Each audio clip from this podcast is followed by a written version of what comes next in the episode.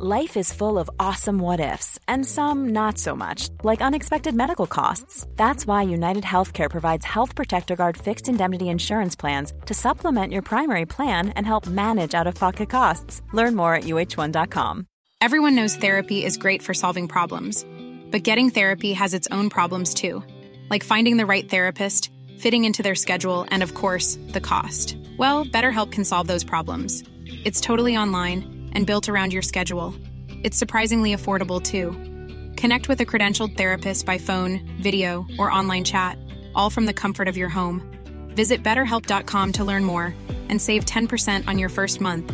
That's BetterHelp H E L P.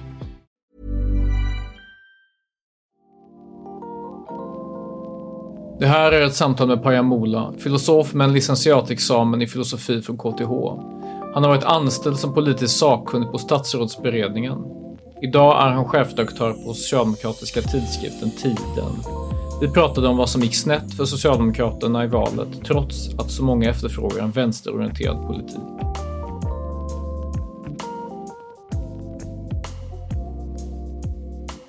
Payam, du skrev i en, i en essä eh, om eftervalsdebatten för Socialdemokraterna att vi läser allt mindre, vi utforskar inte politik lika mycket och någonstans på vägen så slutar vi att uppdatera vår samhällsanalys. Och eh, som exempel på det här, eller som här, symptom på detta förklarar du att eh, S-ekonomiska politik är fast i 90-talet och man förutsåg inte flyktingkrisen eller segregationen. Vad, vad menar du? Vad, vad, är det man läser för mindre av? Vad är det man inte utforskar? Jag tror att det är två delar. Det är den ekonomiska politiken och sen så är det synen på migration. Och anledningen till att jag landar i att vi inte har en uppdaterad samhällsanalys eh, är för att tittar man på de åtta åren som Socialdemokraterna satt i regering eh, så är det såklart att det finns delar som man som eh, socialdemokrat kan vara stolt över. Men jag tror ändå att en sammanfattning av de åtta åren kommer landa i att en stor del handlade om krishantering. Allt ifrån eh, parlamentariska kriser men självklart också samhällskriser. Du har migrationskrisen, flyktingkrisen 2015. Du har en kris med kriminalitet, med skjutningar. Eh, du har en pandemi eh, och den typen av kris och så vidare.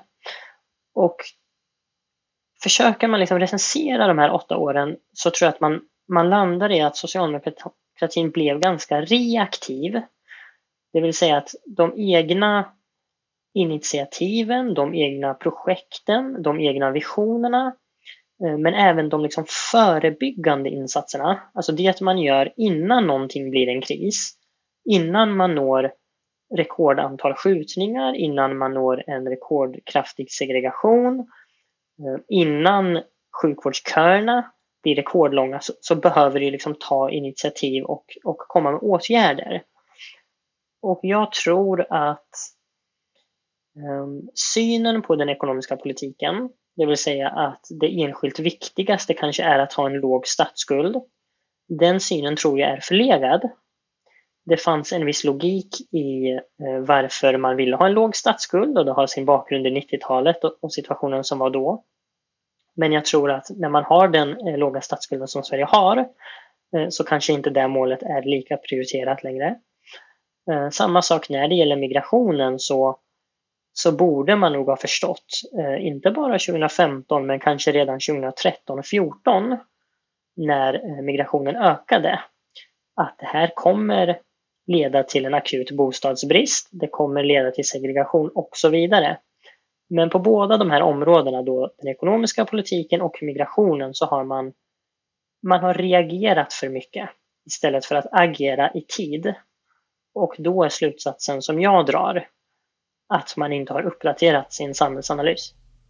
Men han, handlar det om att, alltså om man skulle göra ett kontrafaktiskt scenario, det vill säga så här, vad borde S gjort annars? Hade det varit att på något sätt, jag vet inte, förbereda ett folkhem 2.0, alltså där man hade där man hade tänkt så här, okej, okay, um, vi kan belåna oss mer, vi kan göra ett stort ekonomiskt språng och och jag vet inte, vi kan planera invandringen. Vad, vad menar du man hade behövt göra istället för att, liksom, vad hade ett tecken varit på en förberedd, mer proaktiv socialdemokrati istället för det här reaktiva, ja, men vi gör som vi har gjort sedan 90-talet och vi reagerar på vad som händer bara?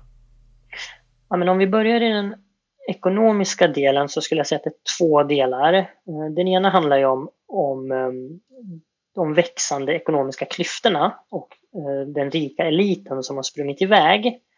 Och det är klart att de här tecknen fanns ju redan 2014 när Socialdemokraterna kom till makten. Ehm, tecknen blev ännu starkare 2018 när vi återigen bildade regering.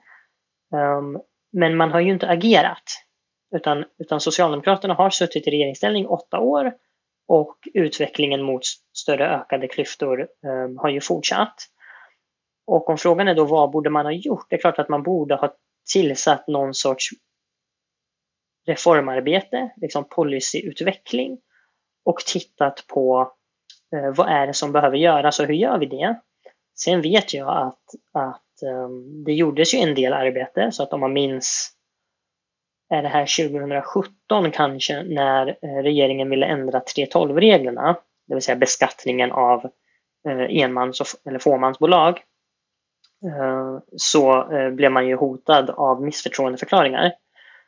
Eh, så att man har ju försökt göra vissa grejer men det är klart att ändringar av 3.12-reglerna skulle inte plötsligt göra Sverige till ett mer jämlikt land.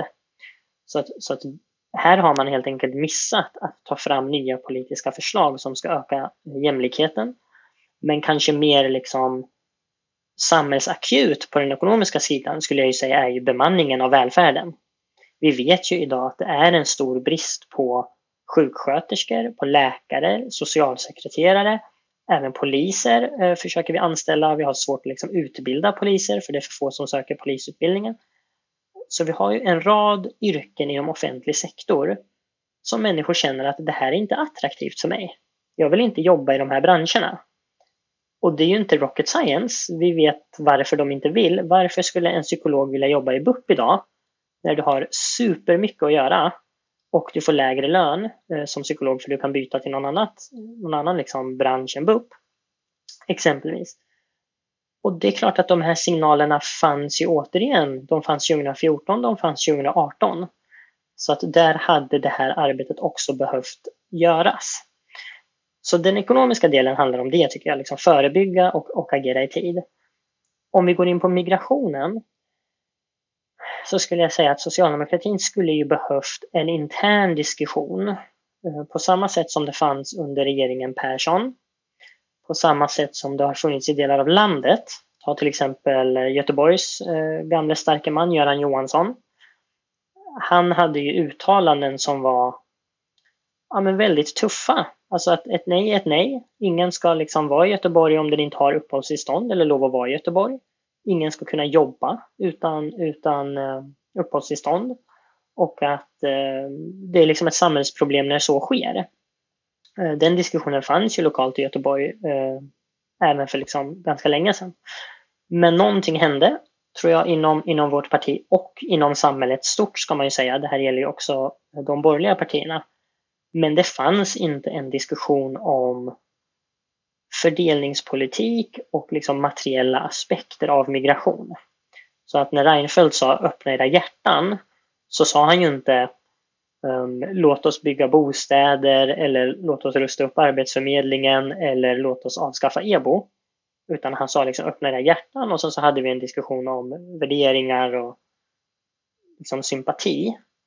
Och här eh, hade socialdemokratin behövt ha en diskussion tidigare och vi hade behövt eh, strama åt eh, migrationen tidigare just för att motverka segregationen. Mm. Men om, om vi spinner vidare på det här, eh, kanske skälen då till att, för jag håller med om att det saknades en del politikutveckling under lång tid och så hände det saker externt i världen som man sen bara var tvungen att svara på. Men om vi spårar det här lite grann tillbaka till, alltså min upplevelse kring sekelskiftet, alltså jag tänker 00, 01 sånt där, det är att då har vi fortfarande en stor materialistisk debatt. Alltså det är fattigdom i syd, det är globalisering, attack i ropet, alltså det är EU, är EU ett nyliberalt projekt eller vad det nu må vara. Liksom. Alltså det, det var verkligen i centrum för liksom, det politiska samtalet och så. Och sen kommer 11 september, Mohammed-karikatyrerna Och det glider över mer till de här liksom kladdiga frågorna. Värderingar, kultur, religion, nation, likhet, olikhet, migration, hela den grejen. Och sen kommer i Sverige kommer REVA 2013, inre utlänningskontrollen och hela den grejen och så blir det liksom det, det, blir, till och med polisen böjer sig i viss mån, att man, man, man minskar antalet inre utlänningskontroller. Och Sverige får väldigt mycket under 2010-talet ett kulturkrig. Eller, alltså det är ett slarvigt ord, men, men, men jag tänkte bara definiera att kulturkrig i bemärkelsen att vi pratar väldigt mycket om sånt som inte tycks vara materiella frågor. Och kanske blir både socialdemokratin då, som ju ändå får makten 2014, men även borgerligheten, de tycker det här är rätt läskigt. Och kom ihåg också, 2010 är väl då SD kommer in i riksdagen första gången, vilket blir en så tydlig kontrapunkt. Så här, men man vill inte vara som dem i alla fall. Vilket kanske på något sätt gör att nej men vi rör inte de frågorna, vi behåller vår liksom kommandohöjd. Alltså vi tycker det här, vi är anständiga, humanistiska, öppna gränser och så vidare. Så vi snackar inte om de jobbiga detaljerna liksom, folk som är eh, lever i skuggsamhällen och, och, och trånga förorter och så. Alltså är det inte kulturkriget som, som hindrar den här politikutvecklingen i både S men även i viss mån inom borgerligheten? Jag tror att det är många faktorer som samspelar. Och att när de, när de liksom, kombinationen av dem gör att effekten blir stark. Så att jag tror att du har rätt i att, att SD kommer in i riksdagen 2010 är en faktor. Och um, vi känner ju alla till uh, partiets historia, uh, den de liksom beskriver själva i sin vitbok, eh, uh, bildade av människor med väldigt extrema åsikter och värderingar. Och det är klart att när de kommer in 2010 så är ju den historien väldigt mer nära i tiden. Så att det blir ju en, en, en, en rimlig reaktion från övriga riksdagspartier. En annan faktor tror jag är att eh, Moderaterna gör ju under den här tiden en väldigt liberal sväng. Historiskt sett så har det ju haft ganska tydliga konservativa drag inom Moderata partiet. Men tittar man tillbaks på tiden runt 2010 så är det ju um, väldigt symboliskt tungt. Man vill, man vill kalla sig feminister, eh, några av dem, jag tror Anders Borg var väl uh, ute och kallade sig feminist om jag minns rätt. Man går i Pride-parad, eh, man markerar väldigt tydligt för liberala rättigheter om liksom, hbtq-frågor och så, och så vidare. Eh, därtill så, så har ju vi inom socialdemokratin en period med eh, Mona Sahlin som partiledare. Även hon väldigt um, värderingsdriven och, och kanske inte bottnade lika starkt i klassfrågor och materiella frågor. Lägg där till utvecklingen 2010. Ja, men det är väl då, eh, nu kanske jag är fel lite på årtalen, men jag tänker det är då liksom det här med politiska bloggar börjar slå igenom. Och några år därefter kommer liksom sociala medier, smartphones och plötsligt så liksom förstärks hela åsiktsbranschen av människor som bara spottar ut sig åsikter och värderingar och det blir ganska hetskt och man kommenterar och debatterar och, och anklagar varandra. Och alla de här faktorerna tillsammans tror jag var ganska destruktiv för svensk politik. Och några av de här faktorerna är kvar idag skulle jag vilja säga. Det kanske kommer till det. Men, men jag tror att alla de här sakerna gör som du säger att det blev på något sätt viktigare att diskutera värderingar än samhällskonsekvenser. Det blev viktigare att vara emot rasismen än att fråga sig vad den beror på. Det blev viktigare att Eh, hjälpa folk i nöd än att fråga sig varför hamnar folk i nöd? Och eh, ja, jag hoppas att, att politiken framöver ska bli mer grundad i ekonomi, materiella förhållanden, villkor och um, att inte politiken släcker bränder utan försöker förstå varför samhällsproblem uppstår. Kan det här sammanfalla, det, det du talar om nu, kan det sammanfalla med att mer av det politiska samtalet och därmed även det politiska tänkandet. För jag vill ändå sätta en sorts likhetstecken mellan där politik talas, där tänks också och där skapas trender. Att liksom det gamla folkrörelse-Sverige där man bildade mycket politik i, jag vet inte, inom partierna eller liksom man hade utredande grupper. Alltså det var ju långsammare och så. Men att det där hamnade väldigt mycket i skuggan av i början av 2010-talet bloggar, Twitter började komma upp då lite grann. Jag minns att jag reggade mig på Twitter 2008-2009 någon gång där och att det det, hela, alltså hela samtalsklimatet förändrades rätt mycket och kom att domineras inte så mycket av partier som av alltså utom parlamentariska grupper, och det menar jag inte liksom några aktivistgrupper utan mer liksom enskilda personer och tidiga influencers och, och, och så. Även, och det här spillde ju snabbt över på mediehusen och kultursidor och även i viss mån ledarsidor. Att partierna blev bara på något sätt lite irrelevanta medan de under 1900-talet hade varit väldigt drivande. Alltså det var i partierna som mycket av tankeverksamheten gick till och partierna var också väldigt sammanlänkade med med tidningshus och så vidare. Och sen bara var de förbisprungna av en liksom, helt annan sfär. För, och du skriver ju så här, vi läser allt mindre, utforskar inte politik lika mycket. Ja, men det kanske vi gör, bara att det är en annan sorts människor som gör det. Jag, jag tror så här, det är uppenbart att partierna är försvagade idag. Och den interna utbildningen är ju på vissa delar obefintlig. Idag så kan du komma in i riksdagen, du kan eh, till och med bli statsråd utan egentligen någon ska man säga, politisk teoretisk skolning. Du kanske blir plockad från en myndighet eller du blir plockad för att du är stor på sociala medier. Och på så sätt tror jag att partierna hade en historiskt liksom viktig uppgift i att lära sina medlemmar vad driver samhällsutveckling. Alltså alla politiska partier vill ju förändra samhället och då måste du förstå, du måste ha en teori om förändring. Jag måste förstå vad, vad är det jag ska angripa om jag vill att samhället ska bli annorlunda. Är det den ekonomiska basen? Det vill säga, är det makt och ägarstrukturer? Är det det som formar samhällen? Är det värderingar? Ska jag ägna mig åt liksom opinionsbildning? Är det vad som står på ledarsidor och kultursidor? Eller handlar det om vad ska man säga, makten över tanken i den breda bemärkelsen, det vill säga myndigheter, institutioner. Och politiska partier har ju haft delvis olika förklaringsmodeller. Men de har skolat sina medlemmar i att om du vill förändra samhället så är det så här du ska göra. Och det där skulle jag säga idag har försvunnit och jag tror att hela samtalet och den politiska teorin om samhällsförändring har ju snuttifierats. Så att om du går tillbaks till innan Twitter fanns, innan liksom bloggar fanns, om du brann för någonting och du ville få ut det och du ville diskutera det med folk, vad hade du för verktyg? Du kunde skriva en bok, du skulle kunna starta en studiecirkel eller en bokcirkel. Och det är klart att att ha en bokcirkel är ju betydligt mer krävande än att twittra ut någonting. För då kommer folk sitta där på mötet och vara såhär, men vad menar du? Du har ju inte förstått kapitel 3.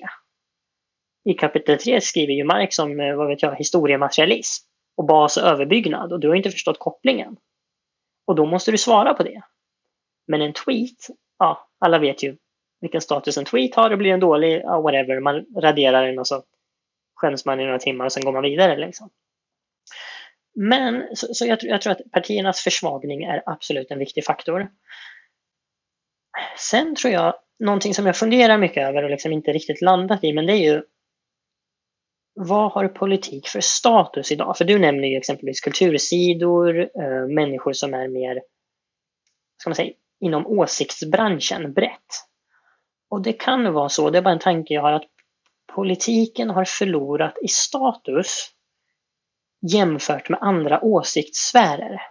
Så att om du idag är 20 år, 25 år, du vill göra en framgångsrik karriär, eh, du vill få bekräftelse, du vill liksom ja, komma upp i samhällshierarkin. Är det en karriär som politiker och riksdagsledamot du satsar på? Eller vill du liksom, vad vet jag, jag bor ju i Stockholm, du bor i Göteborg, men för Stockholm eh, vill du hänga liksom på Söder, eh, nya baren på Rish, skriva någon spetsig kulturartikel som du skickar in till Expressens kultursida, det blir publicerad och så får du hänga liksom med kulturelit och mingla och eh, vad vet jag, håna politiska partier för de är så mossiga och gråa och, och tråkiga. Va? Och här är min känsla att någonting har hänt. Vilket gör att det är coolare idag att vara tyckare än att vara samhällsförändrare. Och det tror jag inte är positivt. Då, då, då tappar du väldigt många människor som kanske borde ge sig in i politiken. Men de förstår att uh, det finns andra vägar för mig att, att liksom lyckas på. Ja, och det, det stämmer väl till stor del det du säger. Alltså medlemskapssiffrorna för de flesta partier har ju varit på nedåtgående. Det finns väl, det är väl möjligt att Vänsterpartiet och Sverigedemokraterna skulle protestera emot den här beskrivningen.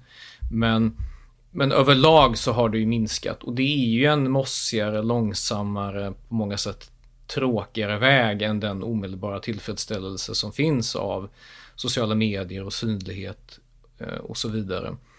Ehm, Men jag, jag, och... om, jag, om jag får bara för en tanke, för jag tror att innan så, så lyfter du frågan om liksom, varför slog kulturkriget igenom?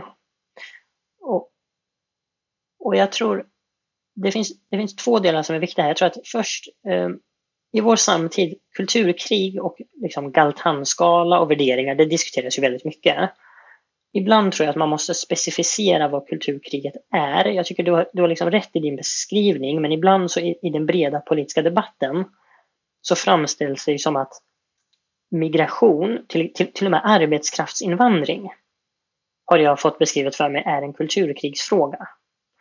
Och en arbetskraftsinvandring, det är kanske den mest klassiska höger-vänster materiella frågan som finns. Det är så tydligt arbete mot kapital vem ska ha makt över arbetsmarknaden? Vem är det som bestämmer vem man har rätt att anställa? Är det fackföreningarna i landet som säger stopp? Vi ska inte ta emot eh, liksom arbetskraft från tredje världen på grund av våra villkor och så vidare. Eller har företag rätt att själva välja fritt vem de anställer och hur? Liksom klassisk höger-vänster-fråga. Och, och, här tycker jag ibland liksom det blir fel i samtiden för att allt ifrån arbetskraftsinvandring till typ kärnkraft till bensinpriser.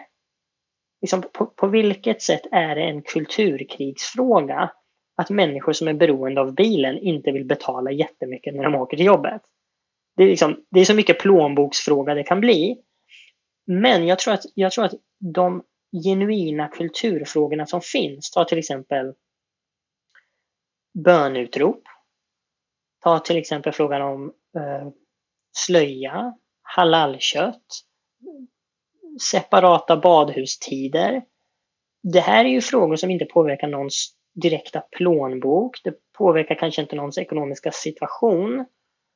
Och de frågorna tror jag, om man kombinerar det med det här du säger, alltså en, en åsiktsbransch där man gynnas och belönas av att ha starka åsikter, man ska ut snabbt, man ska debattera, man ska kalla andra för saker, man ska kanske själv väcka provokation så att man liksom blir stor och omdebatterad.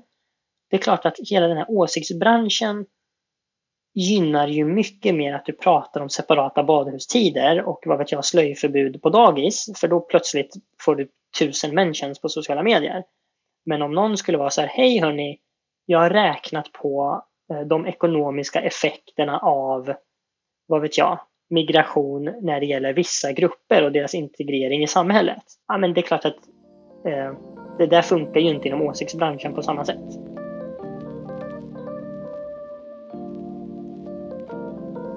Men jag, jag, jag, köper din uppdelning där, alltså att det, fin det finns genuint kulturkrigsfrågor som har att göra om principer, eh, alltså sekularism, religiositet, tolerans och så vidare. Och det, det är uppenbart att de frågorna existerar, som, som i, i, väldigt liten utsträckning är, har någon bäring på eh, materiella faktorer, det vill säga plånboksfrågor. Men som du säger då, okej, okay, frågan frågor som rör migration, arbetskraftsinvandring och även en del andra sådana frågor, de behandlas ju fortfarande som frågor om är man rätt? Är man fel? Och alltså, jag, jag har ju debatterat de här frågorna länge och mitt problem är ju, eller har varit sen jag började med de här frågorna, är att det spelar ingen roll om man försöker ge det en, en materiell inramning, det vill säga man säger, jag minns när jag skrev en gång om, ja men om det finns invandring som är nyttig för ekonomin, som ju logiskt sett också en som inte är så att säga statsfinansiellt nyttig. Alltså det är en logisk konsekvens. Vi kan väl försöka utreda vad som är vad och så vidare. Men problemet är att när det här lyftes på det sättet, rätt torrt, eh, vare sig det var från, mest från höger skulle jag vilja hävda, men kanske även från vänster ibland, så bemöttes det som om det vore en kulturkrigsfråga. Det vill säga att det länkades in i du vill väl inte låta som SD eller det här är inte anständigt att säga.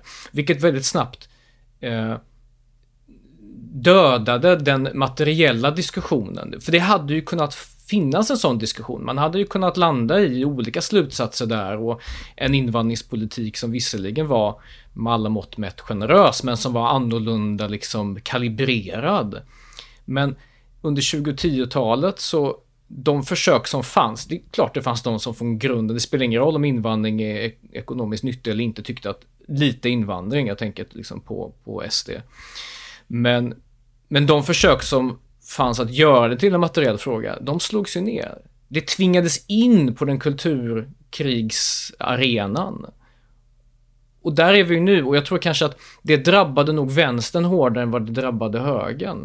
Det vill säga det, det du det du lägger fram nu, det var ju den vänster, det vänsterperspektivet som var helt borta. Varför tror du det drabbade vänstern hårdare än högern?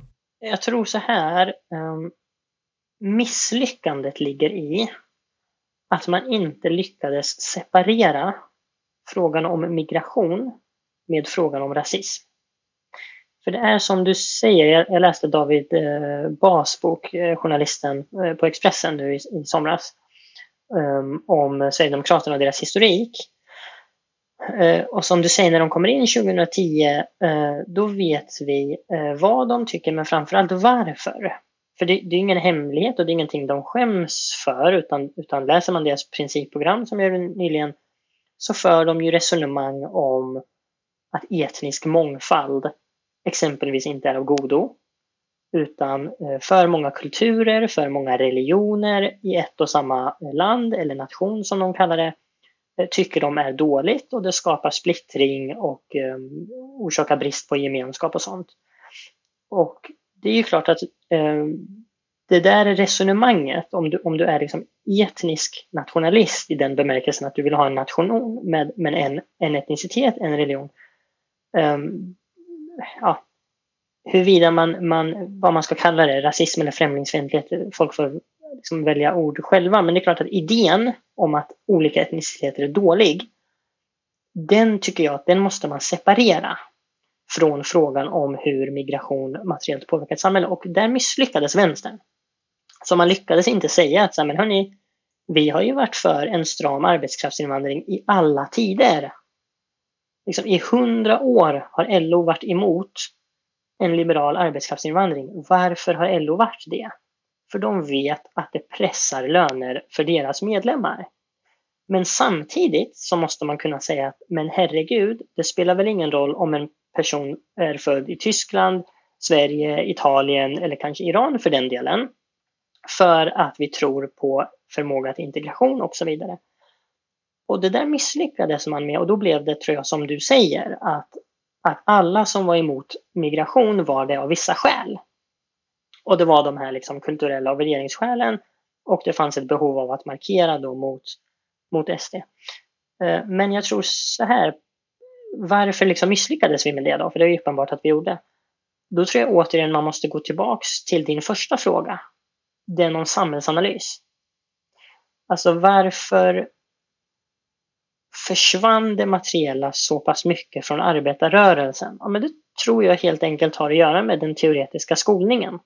Vi, eh, jag gick med 2009 kan jag säga, Socialdemokraterna. Fram till 2015 så var det ju väldigt lite intern eh, diskussion om eh, migrationsfrågor. Alltså utbildningen var ju väldigt lätt. Jag har inte gått på liksom långa teoretiska pass om arbetskraftsinvandring eller migration med människor från olika eh, bakgrunder och kvalifikationer. Så att återigen, där tror jag att vi läser inte så mycket, vi förstår inte så mycket. av liksom eh, grundorsakerna till samhällsproblem eh, och så vidare. Men det finns en sista sak jag vill lägga till.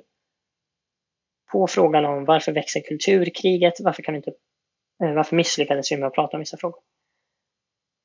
Hade socialdemokratin till viss del drivit en mer omfördelande ekonomisk politik så är det såklart att det hade också fått större fokus. För när, och så är det ju fortfarande i Sverige, vi kanske kommer in på det senare idag, eh, den här nya regeringen och liksom deras ekonomiska politik. Men nu ligger ju nästan alla partier eh, i någon sorts ändå bred mitten när det gäller den ekonomiska politiken. Den här regeringen har inte gått ut och sagt att de vill ha liksom fem nya jobbskatteavdrag och de ska sälja ut alla statliga bolag och nu är det bara marknad och liksom free market och det där som gäller, utan det har de inte sagt. Och Socialdemokraterna gick inte till val på något radikalt ekonomiskt program heller. Och det tror jag liksom är också en pusselbit i allt det här att när man vill väcka människors engagemang om man inte lyckas med ekonomisk politik, ja men då ligger alltid kulturkriget lätt till hands. Men det är ingen naturlag.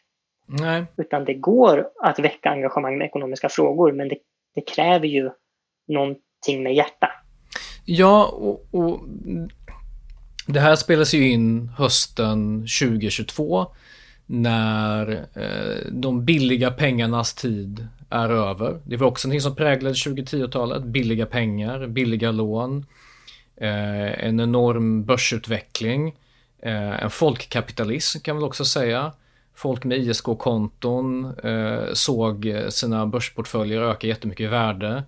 Techföretag som rusade och eh, det fanns väl någonstans kanske ett, eh, ett, ett guldläge, om det kanske inte fanns under mitten av 2010-talet så finns det i alla fall nu, för det blir alldeles uppenbart vilka var det som blev tjänade på det. det var folk med bostadskarriär, folk med kapitalplaceringar och nu ser vi de senaste årens reallöneökningar bara ätas upp av inflationen.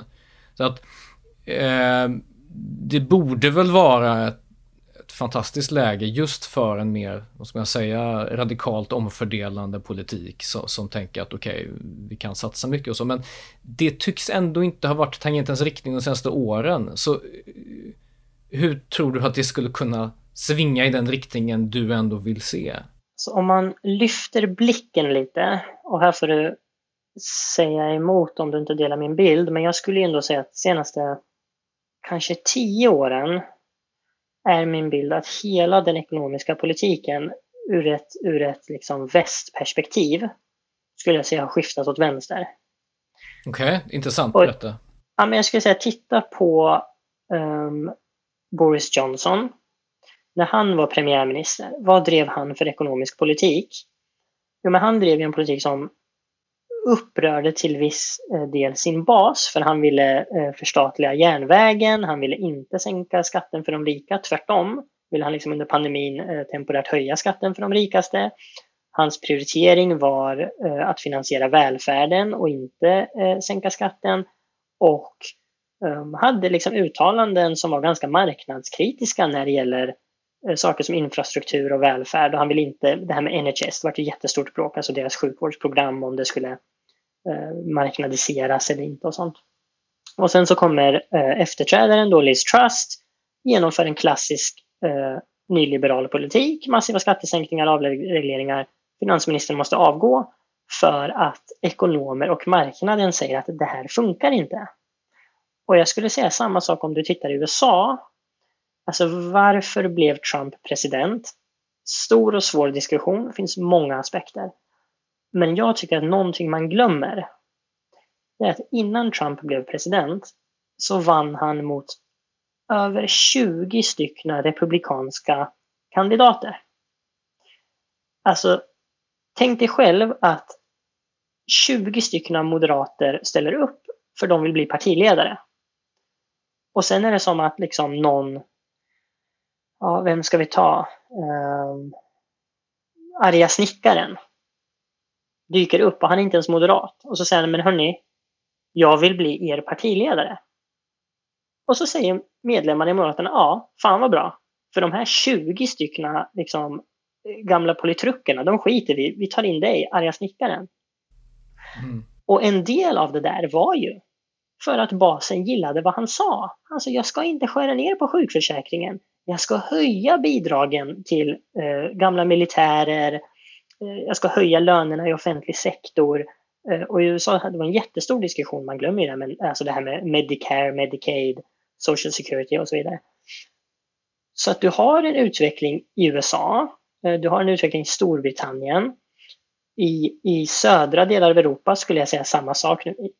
Italien lite speciellt nu med deras nyvalda regering. Men eh, min bild är på det stora hela att den nyliberala epok som fanns från någon gång 80-90-talet framåt, eh, jag menar att den är död.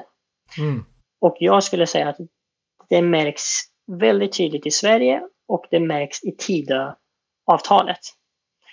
Eh, vad jag kunde se, då får rätta mig om jag fel, men då, Alliansens projekt är ju dött.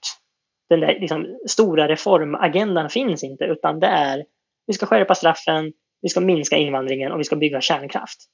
Och jag menar, ska man vara rent krass, det är ju till viss del en förlängning på den socialdemokratiska politiken. Eh, så Socialregeringen började skärpa straffen, nu vill man gå längre. Man minskade invandringen, nu vill man gå längre. Och sen så har du liksom bygga ut kärnkraft och det är ju, ja, som socialdemokrater, vi brinner ju inte för att liksom, vi ogillar inte kärnkraft. Det finns ju andra småpartier som, som ogillar det. Um, jag köper ju den här analysen. Jag, jag skrev nyligen om hur den nya högern är vänster. Eh, delvis med den, den andemeningen du har. Men, men om jag skulle vilja jag skulle nog vilja ta, eh, vara lite djävulens advokat här och säga att ja, men den vänsterorienteringen, jo visst, den förnekar i viss mån den här liksom eh, djupa nyliberala avregleringen. Liksom att man, man i princip gör en lista med marknader som man vill avreglera och så bockar man av dem. Eh, nej, det finns inte längre, det, det gör jag det rätt i. Men, men den höger-vänster-politik som den nya svenska borgerliga regeringen driver, som eh, Johnson-regeringen drev, som en del andra högerpartier i Europa nu har drivit. Det, det är väl någon sorts, det är väl den breda mitten. Det är det där projektet som Annie Lööf talade om, men där hon egentligen, hon använde rätt begrepp, men hon fyllde det med fel innehåll. För hennes breda mitten handlade om eh, den gamla alliansen, eh, liberala borgerliga politiken i kombination med någon sorts storstadsurban vänsterliberalism när det kommer till värderingsfrågor. Det vill säga man ska vara god och anständig och man, man tar alla progressiva frågor man bara kan hitta liksom. Eh, den här nya högern, och det är väl kanske det som är utmaningen då, det vill jag höra din åsikt om. Det är väl en utmaning för socialdemokratiska partier i Europa, för helt plötsligt så är Alltså det är i mitten alla trängs. För där trängs ju även Socialdemokraterna och en reaktion på det kan väl vara att man går ännu längre vänsterut. Men jag ser inte det från Labour, jag ser inte det från, från Socialdemokraterna i Sverige. För att det finns en del att hämta där i mitten, i den här kombinationen av åtstramning av invandring, eh, förändrad rättspolitik, eh, så här pragmatisk energipolitik som ju både kan vara så här, nu är det lite konstigt att tro att kärnkraft skulle vara klassiskt höger. Det behöver nödvändigtvis inte vara. Det är ju liksom en, en, en teknisk fråga nästan. Men, men det har blivit lite så. Um, att man trängs i mitten helt enkelt. Vad hände med S i den världen? Jo, men jag tror, så här, jag tror att jag skulle nog vilja hävda att mitten håller på att gå åt vänster. Okay. Alltså vad är egentligen mitten? Förr i tiden skulle jag säga att det var kanske enklare för du hade, om du har ett klassiskt högerblock och ett klassiskt vänsterblock. Vänsterblocket vill säg ha mer progressiva skatter, högerblocket vill sänka skatterna. Mitten hamnar någonstans emellan. Någonstans i linje med status quo. Vi gör inga större förändringar, vi justerar i marginalen. Men idag har vi inte ett klassiskt och höger, eh, alltså ett klassiskt vänster och högerblock i Sveriges riksdag det partiet som vi placerar längst till höger på skalan, Sverigedemokraterna, säger sig vilja införa gratis tandvård. De vill höja a-kassan. De vill höja pensionerna. Vad är mitten för deras väljare? Alltså den typen av av frågor, när jag ställer mig dem, då landar jag någonstans i att mitten har förflyttats och vad socialdemokratin måste göra är att man måste ligga på toppen av tidens våg. Man måste förstå vartåt blåser det och hur agerar vi på det? Inte reagerar, inte kommer om x antal år och liksom i efterhand, jaha, var det det här folk ville ha? Okej, då gör vi så. Utan jag tror att nu är läget att förstå att den där traditionella mitten, den finns inte. Utan vad som finns idag är väldigt många människor som är missnöjda. De är missnöjda över samhällsutvecklingen, de är missnöjda över privatekonomin, eh, de är missnöjda över välfärden och så vidare. Och då tror jag att hur du vinner den här så kallade nya mitten, om vi ska kalla den det, men egentligen stora eh, missnöjda väljargrupper, som har, många av dem har det ganska bra ekonomiskt ställt. Jag pratar inte bara nu om arbetslösa och sjukskrivna, utan jag pratar ändå om den liksom breda medelklassen, kanske lite, lite utanför tullarna i Stockholm, eh, som tycker att utvecklingen är på väg åt fel håll. Jag är helt övertygad om, och eh, det finns också den typen av mätningar om man tittar på eh, en del som Sifo och Novus har gjort. Ställer du frågan idag till svenska folket, tycker du att man bör omfördela mer resurser om resurserna går oavkortat till välfärden, till polisen, till pensionerna så kommer en majoritet av svenska folket svara ja. Återigen, varför gör inte Socialdemokraterna det här? Varför föreslår man inte saker som en arvsskatt? En majoritet av EU-länderna har någon form av arv och gåvoskatt. Schweiz har förmögenhetsskatt. Ett av världens rikaste länder med hela deras banksystem och allt vad det är har en väldigt fungerande förmögenhetsskatt. Sverige har ingenting av det här och Socialdemokraterna föreslår ingenting av det här. Återigen, jag tror vi är fast i en samhällsanalys från 90-talet. Och min förhoppning är att nu när man är i opposition så kommer man förnya och, och eh, ja, förnya och förbättra. Men låt mig också säga så här. Eh, på tal om din fråga om liksom eh, Labour, varför går inte de åt vänster, varför går inte Socialdemokraterna i Sverige åt vänster? Det är också svårt att förnya när det går ganska bra. Alltså många av de mest framgångsrika politiska projekt som finns, om du tar Nya Moderaterna i Sverige, om du tar New Labour i, i Storbritannien. Eh, det här är ju projekt som kommer till skott ur partikriser. Så efter 2002 när Moderaterna i Sverige är ett katastrofval, jag minns inte, kanske landar på 16-17 någonting tror jag, mm. Bo, Bo Lundgren. Det är klart att då är man nere på botten. Och så gör man en utvärdering och man krishanterar och man kommer fram med ny politik. Samma sak i Storbritannien med New Labour. Man är väldigt, väldigt länge borta från makten. Eh, idag skulle jag säga att socialdemokratin i Europa och absolut inte i Sverige vi, vi har ingen opinionsmässig kris. Alltså Socialdemokraterna ökar i valet i år, går fram två procentenheter. Socialdemokraterna har själva fler mandat i riksdagen än hela den nya regeringen. Och det är klart att i ett sådant läge så är det svårt för politiska partier att ta risker och att förnya sig. Men jag tror att det är nödvändigt.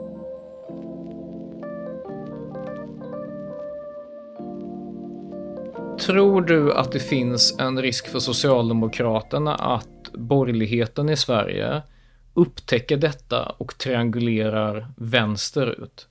Det vill säga man inser att det finns inget alternativ för högerväljare i Sverige annat än att rösta på de här partierna som redan sitter i regeringen. Annat än kanske möjligen Centern. Om man vill ha liberal ekonomisk politik. Mm, I vissa delar, men att man i övrigt kör på de här traditionella LO och eh, S-frågorna? Jag tror att den processen har nog redan börjat. Sen är det svårt att förutse hur liksom politiska partier agerar för att politiska partier har också en intern logik. Det är inte alltid att liksom man går utifrån väljare och, och, och samhällsorientering. Men anledningen till varför jag tror att processen redan har börjat är för att jag upplever, får du berätta om din bild, men jag upplever ändå att det finns en insikt i borgerligheten om att alliansprojektet är dött. Och, och det är också för att i det här valet så backar ju alla allianspartier. Alltså det, det är lite humoristiskt tycker jag, för att historiskt i Sverige så har du liksom en stark socialdemokrati och sen så har du en borgerlighet. Och på vad vet jag, 60, 70, 80, 90-tal så bråkar de här borgerliga partierna och vissa vill att liksom, de ska bygga en gemenskap för att man är emot sossar. Och jag tror att det var, jag vet inte om det var Torbjörn Fälldin eller någonting som han gillade inte att kalla sig borgerlig, han ville kalla sig icke-socialist. Och sen så höll man på så här, men i slutändan så var det ändå, det fanns en kärna av att man var inte socialdemokrat. Och så höll man ihop, man försökte hålla ihop, men ibland splittrades man. Men eh, ambitionen att hålla ihop, om jag säger så, den fanns. Idag så skulle jag ju säga att på samma sätt som högern hela tiden har sagt att ja, men det finns en icke-socialistisk majoritet i riksdagen, eller en icke-socialdemokratisk majoritet i riksdagen. Idag så skulle jag säga att det finns en icke-borgerlig majoritet i riksdagen. Socialdemokraterna och Sverigedemokraterna själva har egen majoritet i riksdagen. Mm, Socialdemokraterna och Sverigedemokraterna är de enda två partierna, och nu räknar jag inte Miljöpartiet för de gick fram med stödröster. Så utan stödröster så är det två riksdagspartier som går fram och de går fram ganska mycket tillsammans. Och det är två icke-borgerliga partier. Så att jag har väldigt svårt att se, eh, återigen, partier kan lura sig själva, men man kan ju inte med någon sorts liksom, intellektuell hederlighet säga att borgerligheten i Sverige mår bra.